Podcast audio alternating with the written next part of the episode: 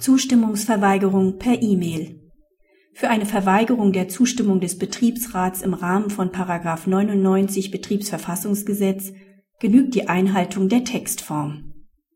Der Betriebsrat streitet mit dem Arbeitgeber über die Verweigerung seiner Zustimmung zu der Einstellung eines Mitarbeiters. Nachdem der Arbeitgeber im Betrieb die Stelle eines Operations Agent ausgeschrieben hat, beantragt er bei dem Betriebsrat die Zustimmung zur Einstellung des ausgewählten Bewerbers. Der Betriebsrat antwortet auf die entsprechende Anfrage mit einer E-Mail, die von einem vertretungsberechtigten Mitglied des Betriebsrats unterschrieben ist. In der E-Mail wird der Einstellung des ausgewählten Bewerbers unter Hinweis auf eine unterbliebene ordnungsgemäße Ausschreibung widersprochen. Im Verfahren über die vorläufige Einstellung des betroffenen Mitarbeiters beruft sich der Arbeitgeber darauf, dass die Zustimmung des Betriebsrats gemäß 99 Absatz 3 Satz 2 Beta VG als erteilt gelte, da die E-Mail nicht den gesetzlichen Formerfordernissen eines wirksamen Widerspruchs genüge. Nach Auffassung des BAG liegt eine wirksame Zustimmungsverweigerung vor, denn vor Wahrung der Schriftform des Paragraphen 99 Absatz 3 Satz 1 Beta VG genügt die Einhaltung der Textform. Diesen Anforderungen wird die E-Mail des Betriebsrats gerecht. Die Einhaltung der Schriftform nach 126 Absatz 1 BGB ist dagegen nicht erforderlich. Die Anwendung dieser Vorschrift ist auf echte Rechtsgeschäfte beschränkt. Bei der Zustimmungsverweigerung handelt es sich lediglich um eine rechtsgeschäftsähnliche Handlung. Sie ist auf einen tatsächlichen Erfolg gerichtet. Der Arbeitgeber soll dazu gebracht werden, von der geplanten Maßnahme Abstand zu nehmen. Ein vertragliches Rechtsverhältnis zwischen Arbeitgeber und Betriebsrat wird dadurch weder begründet noch inhaltlich verändert oder beendet. Eine entsprechende Anwendung von 126 BGB ist auf den Fall der Zustimmungsverweigerung nach 99 Beta VG nicht geboten. Weder der Normzweck noch die Interessenlage verlangen eine eigenhändige Unterzeichnung der schriftlichen Erklärung durch den Betriebsratsvorsitzenden.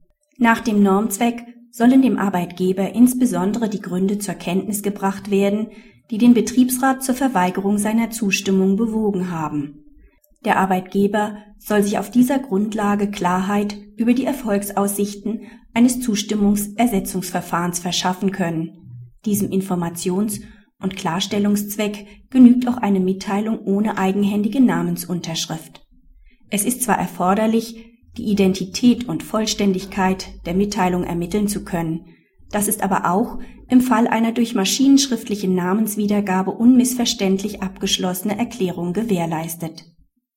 Die entsprechende Anwendung von 126b BGB ist insoweit ausreichend. Danach muss die Erklärung in einer Urkunde oder auf andere zur dauerhaften Wiedergabe in Schriftzeichen geeigneter Weise abgegeben die Person des Erklärenden genannt und der Abschluss der Erklärung durch Nachbildung der Namensunterschrift oder anders erkennbar gemacht werden. Diesen Erfordernissen genügt die vom Betriebsrat im Streitfall versandte E-Mail. Praxishinweis Nachdem das BAG zunächst die Zustimmungsverweigerung per Telefax für zulässig erklärt hatte, trägt es den Bedürfnissen der Praxis nach einer möglichst formlosen Kommunikation unter Nutzung moderner Kommunikationstechnik weiter Rechnung.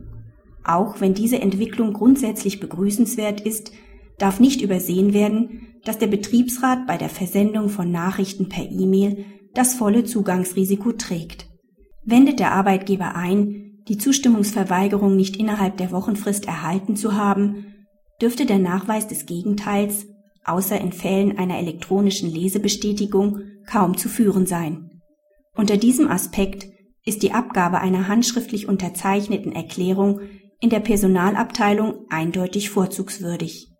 Unabhängig davon wird man die vom BAG herausgearbeiteten Grundsätze auch auf einen Widerspruch nach 102 Absatz 2 Beta VG anwenden können, sodass auch in diesem Fall Erklärungen per E-Mail grundsätzlich das Schriftformerfordernis erfüllen